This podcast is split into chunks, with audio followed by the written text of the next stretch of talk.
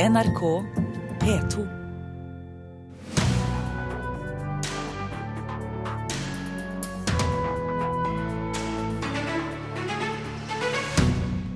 Omstridt Stavanger-skulptur solgt for rekordsum i London i går. Kunstkannibalisme av verste sort, sier profilert kritiker. Regjeringen gir opp letingen etter Nordahl Griegs grav. En skuffelse, mener SV-leder Audun Lysbakken. Og ukjent krigshistorie dukket opp i et av Norges nye store matkammer. Nå må nydyrkingen vente. Og I tillegg anmelder vi film og bok, så det blir mye å få med seg her i dagens Kulturnytt, som du får levert med Birger Kolsrud Jåsund i studio. Vi forstår at mange i Norge er lei seg nå som den eneste Hepworth-skulpturen forsvinner ut av landet. Det sier Christies auksjonshus i London. I går solgte de skulpturen Figure for Landscape, som har stått i Stavanger i 40 år, til rekordsummen 43 millioner kroner. Det er den høyeste summen noensinne for Barbara Hepworth-kunst. Dette er lyden av håndverkerne på Christies auksjonshus i London sent i går kveld. Idet de klargjør Barbara Hepworths Figure for Landscape for reisen til sin nye eier. En eier som betalte rekordhøye 43 millioner kroner for skulpturen. Vi skrur klokken litt tilbake, til åpningen av auksjonen. Barbara Hepworth, Auksjonshusets kanskje mest kjente auksjonarius, finske Jussi Pylkanen, startet ballet på 600 000 pund, eller litt over 6 millioner kroner. Lenge går det tregt med budene, men så løsner det. Før auksjonen ble det tippet at skulpturen kanskje ville innbringe rundt to millioner pund, men vi er for lengst forbi det. 2,400,000 still going on. 2,400,000 for that one. 2. Og det blir enda høyere. That's hurry, sir. Three minutes one I have. Three minutes two hundred thousand is bid. Før skulpturen er Sold the 3 650,000, ladies and gentlemen. Og med avgiftene blir summen altså utrolige 43 millioner kroner. Auksjonshuset kunne i går kveld ikke gi NRK identiteten til kjøperen, men deres fremste ekspert på moderne britisk og irsk kunst, Andre Slettinger, sier han var overrasket over at beløpet ble så høyt. Han er også kjent med kontroversen i Stavanger og om opprøret over at Kunsthall Stavanger har valgt å selge den eneste Barbara Hepworth-skulpturen i Norge. You know,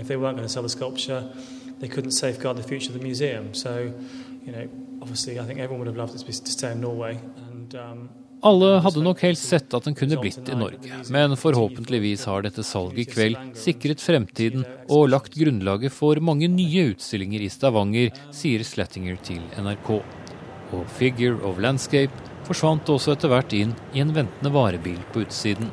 På vei mot ukjent sted og til ukjent kjøper. I alle fall for oss andre. Espen Aas, London. Men i Stavanger har ikke forståelsen for salget økt blant kritikerne. Hvem kommer til å gidde å gi bort kunst i gave til offentlig utsmykking i Stavanger etter dette, spør byens mest profilerte kunstkritiker.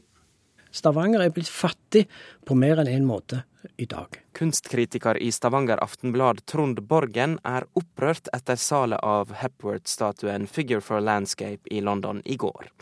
Selgeren Kunsthall Stavanger vil bruke inntektene til drift av kunsthallen. De skal finansiere den nye kunsten ved å spise opp, fortære, den gamle kunsten. Dette er jo rett og slett kunstkannibalisme av den aller mest primitive sorten. Vi er veldig godt fornøyd. Er fantastisk godt fornøyd med resultatet. Nå har vi fått mer enn vi drømte om. Sier styreleder i Kunsthall Stavanger, Eirik Mo. Mo sier kunsthallen gjerne skulle ha beholdt statuen, men at valget sto mellom å legge ned drifta eller å selge verket. Nå tror han hallen har ei framtid. Nå kan vi løse noen akutte utfordringer med tanke på bygg og drift, og vi kan sikre en forutsigbar drift eh, framover. Nei, det er auksjon i et nøtteskall, det. Det sier daglig leder Knut Forsberg i Blomkvist kunsthandel om salet. Statuen gikk nemlig for rekordpris. Aldri tidligere har et Hepworth-verk blitt solgt for så mye. Forsberg sier summen er overraskende. Det er det. Den forrige rekorden er jo på 2,4 millioner pund, så den slår jo den veldig bra. Og jeg var veldig overbevist at de skulle klare å selge den, men uh, dette overrasker meg positivt. Ja, Det er en fantastisk pris, så her må jo alle være glade. Men ikke alle er glade. Skulpturen var i si tid ei gåve fra Stavanger kommune og Stavanger byselskap. Kunstkritiker Trond Borgen tror framtidige gåvegivere vil verte skeptiske etter dette. Hvem i all verden i denne by kunne nå tenke seg å gi en gave til offentlig utsmykking av denne byen, når man kanskje en gang i framtiden risikerer at den skal bli solgt? Ingen vil finne på å gjøre det mer. Det sa Trond Borgen til reporter Lars Ivar Nordahl.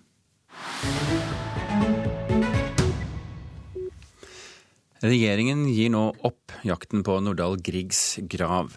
Kulturdepartementet har forsøkt å få svar på hvor forfatteren, som ble skutt ned i Berlin under krigen, ligger gravlagt. Men det er svært vanskelig å fastslå den nøyaktige plasseringen, og nå avsluttes eh, departementets leting. Der stiger en sang over landet, seieren i sitt språk, skjønt hvisket med lukkede leber under de fremmedes åk. Nordahl Grieg leser sitt eget dikt 17. mai 1940. Tre og et halvt år senere sitter han i et britisk bombefly som blir skutt ned over Berlin. Liket blir aldri funnet. Det ville være av stor betydning å få fastslått nøyaktig hvor eh, Nordahl Grieg eh, ligger. Eh, rett og slett for å kunne holde minnet om han og det han sto for i hevd her hjemme. Det sier SV-leder Audun Lysbakken, som i fjor tok initiativ til å finne graven til lyrikeren og krigsreporteren fra Bergen, som for mange er mest kjent for diktet til ungdommen.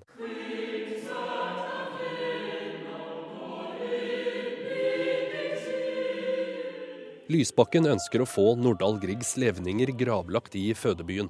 I fjor sendte han brev til regjeringen, som har undersøkt saken. Og nå har han fått svar.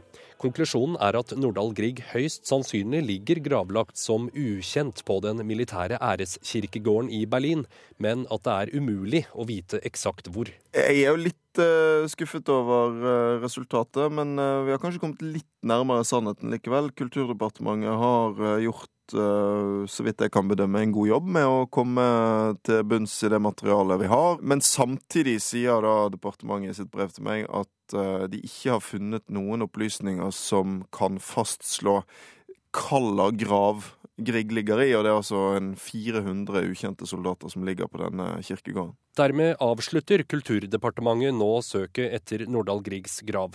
Det forteller statssekretær Bjørgulf Vinje Borgundvåg. På det nåværende tidspunkt så gjør vi det. Vi opplever at vi har gjort det som er mulig, men dessverre må vi konkludere med at det ikke har vært mulig å lokalisere Nordahl Griegs grav mer nøyaktig. Dersom det skulle dukke opp ny informasjon senere, så må man selvsagt ta en ny vurdering av saken. Nå må jo vi rådføre oss både med kulturministeren og med de mange entusiastene som har lett etter denne graven, for å se om det er noen flere spor og noe mer som kan gjøres.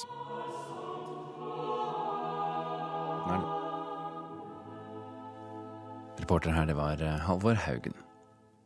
Filmen 22 eh, Jump Street er oppfølgeren til 21 Jump Street Street. Den handler om dop, politi, collegehumor, tull og tøys. Og du kommer til å le av den, men ekstremt god er den ikke, mener vår anmelder. Well, I hoped never to see you again. Når Channing Tatum og Jonah Hill parer opp som klønete politietterforskere for andre gang i 22 Jump Street, kjører de på med akkurat den samme lavpanna humoren som sist i 21 Jump Street. Vitsene er ikke like morsomme denne gangen, rett og slett fordi vi har hørt dem før. Men Tatum og Hill leverer likevel fortsatt varene. Ladies, gave a shit about the Jump Street reboot, but you got lucky. I den første filmen ble politimennene Schmidt, spilt av Jonah Hill, og Jenko, spilt av Channing Tatum, plassert i en undercover-operasjon med hovedkvarter på 21 Jump Street. Der formålet var å infiltrere en high school for å finne en doplanger. I film nummer to er hovedkvarteret for operasjonen flytta på andre siden av gata til 22 Jump Street, og denne gangen må gutta late som om de går på college for å finne bakmennene for et nytt dop som sirkulerer på campus. Fuck yeah. Her ligger alt til rette for å harselere med amerikansk collegekultur, noe Tatum og Hill bruker mesteparten av tiden i filmen på å gjøre. Jenko blir den nye stjerna på fotballaget, mens Schmidt prøver å sjarmere damene som poesistudent. Jenko, som aldri gikk på college, blir kanskje litt for revet med av sin nye status som stjerne, og glemmer både Schmidt og etterforskninga oppi alle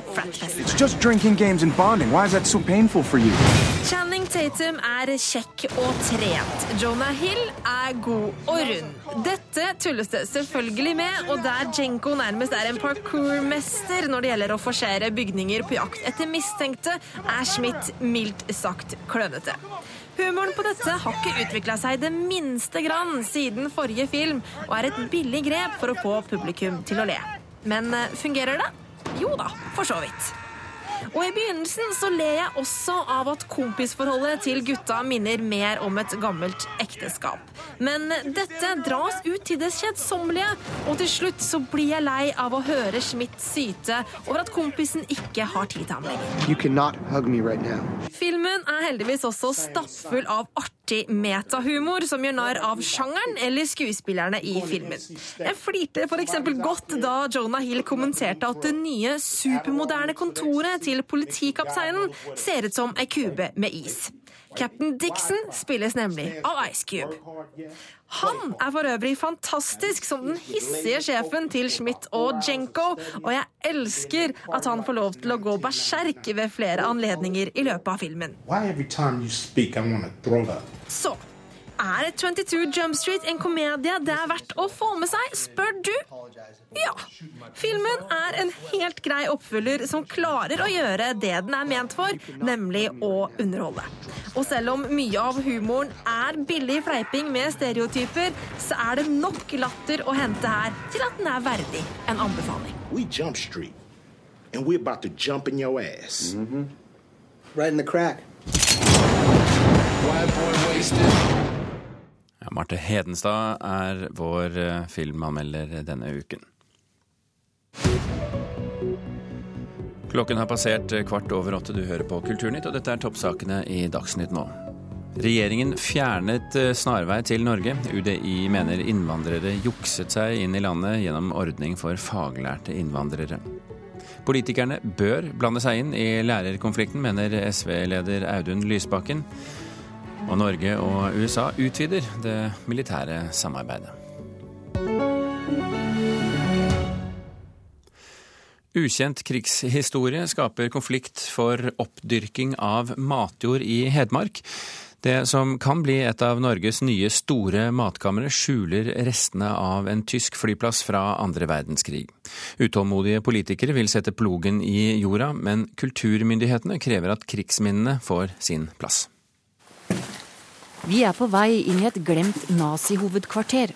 Major Walter Krill som hadde øverstkommanderen. øverstkommanderende.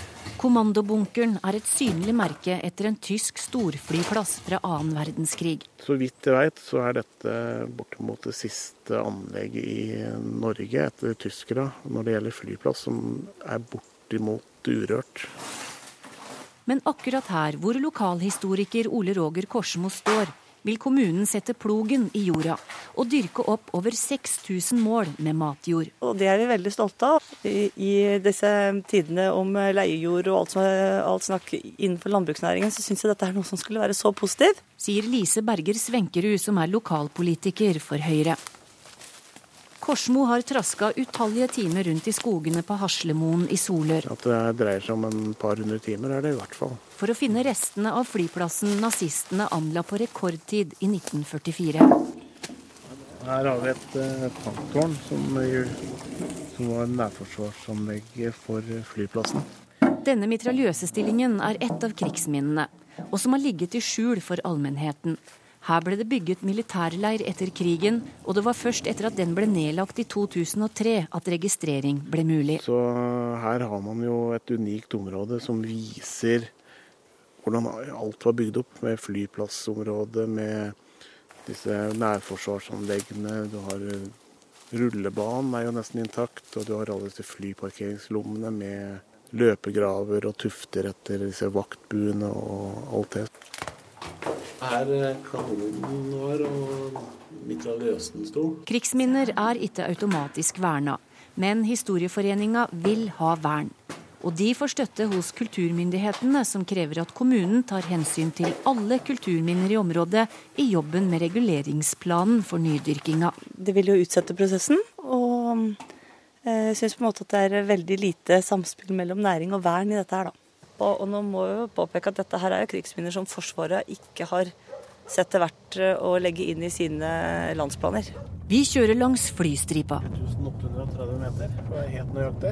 Fortsatt kan betongen fra 1944 skimtes. På det meste stasjonert 40 fly. Og her vil utålmodige bønder sette plogen i jorda. Først må kommunen i dialog med Riksantikvar og kulturavdelingen i Hedmark fylke. Og kommunalsjefen i Våler, Asgeir Rustad, ser den historiske verdien. Rent eh, kulturhistorisk, ja, men den økonomisk verdi er det jo ikke det. Er en ren utgift. Hvorfor skal et sted som Våler og Haslemoen ta vare på det som er tyskerne sin historie, da? Det er tyskerne sin eh, del av historien, er jo også en del av krigen. Hvis vi fjerner alt som har med innovasjonsmakten og tyskerne og sånn, så sitter vi igjen egentlig bare med helter. Som, og som, da har jo til slutt ikke heltene noen motstander. Og da, da blir også heltene borte, hvis eh, vi fjerner det som faktisk heltene kjempet imot. Det sa lokalhistoriker Ole Roger Korsmo. Reporter her det var Torunn Myhre. Hans Fredrik Dahl, professor emeritus og historiker. Hvor viktig er det å ta vare på krigsminner som dette etter tyskerne? Veldig viktig. Som en generell regel så har vi jo altfor få av de tyske installasjonene intakt. Så det må være en viktig, viktig del av norsk kulturhistorie, og ja, norsk historie i det hele tatt, at vi kan se de synlige spor etter det fantastiske som skjedde, at vi hadde 400 000 tyske soldater.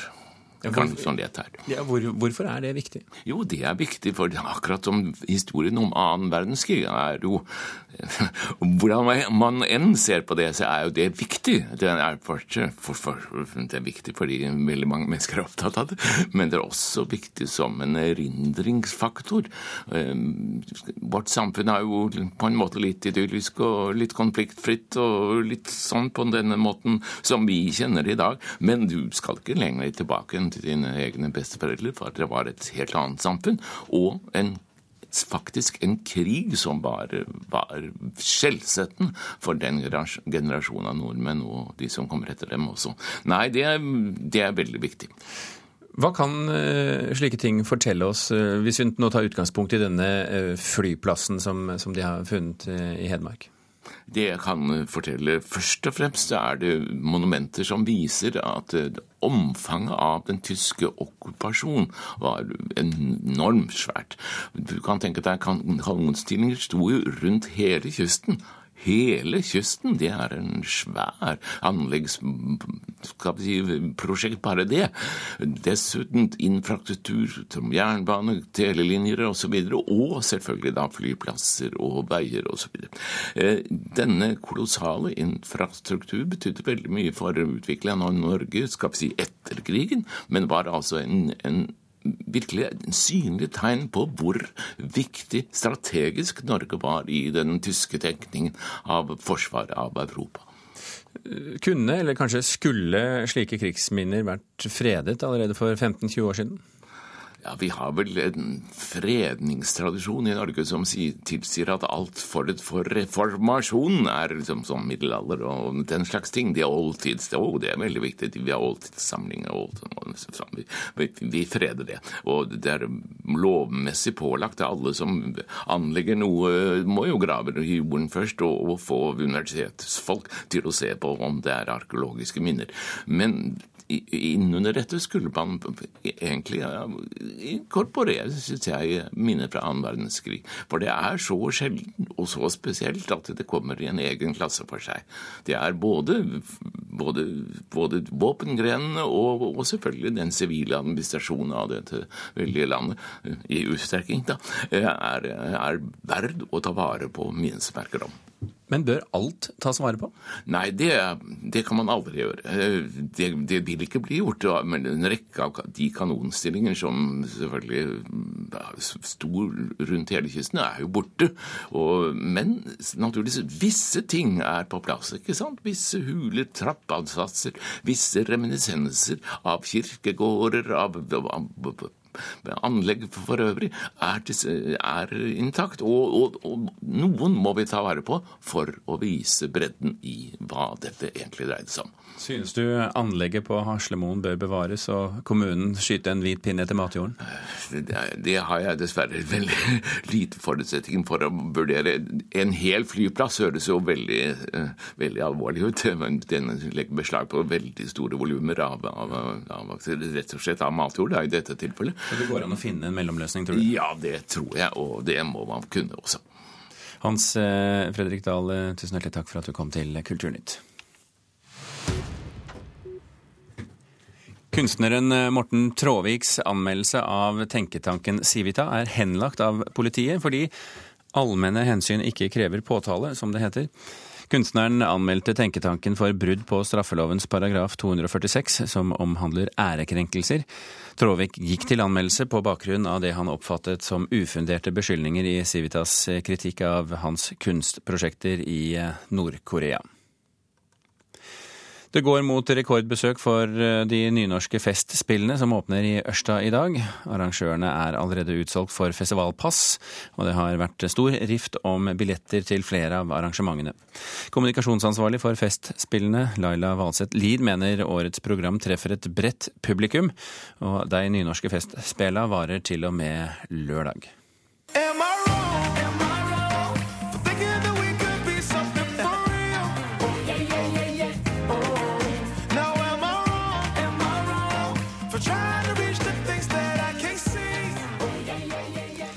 En liten løypemelding her.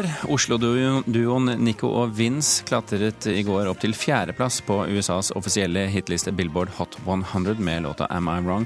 Og det betyr at blant norske artister er det nå bare a-ha som har vært høyere på den prestisjetunge hitlisten. a-ha gikk til topps i 1985. Så tar vi med at en egyptisk TV-såpeserie har blitt forbudt av myndighetene i landet bare dager før den skulle på lufta, under den muslimske fastemåneden ramadan. Årsaken til at serien ikke slipper gjennom sensuren skal være at politiet i landet blir stilt i et dårlig lys.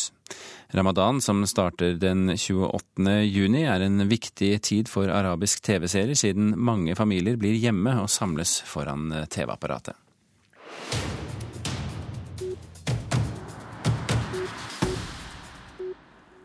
Da Hilde Linseth kom med novellesamlingen 'Jeg burde ha sperret deg inne' for et par år siden, så overbeviste det vår kritiker Marta Norheim. Eller hun tok i bruk i hvert fall det velbrukte, men velmente klisjeen 'lovende debutant'. Nå er eh, Linseth ute med novellesamlingen 'Helvetesporten'. Og spørsmålet er jo da om bok nummer to holder det debutboken lovet. Kulturnytt eh, har eh, sett på har satt Marta Norheim på saken.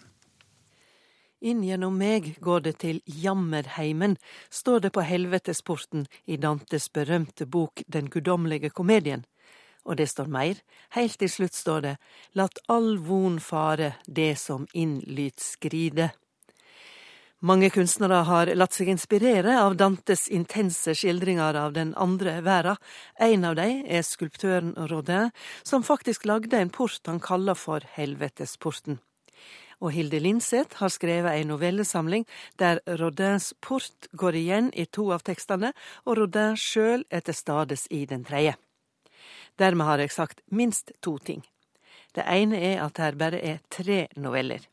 Det andre er at tittelen vitner om alvor og uopprettelige val.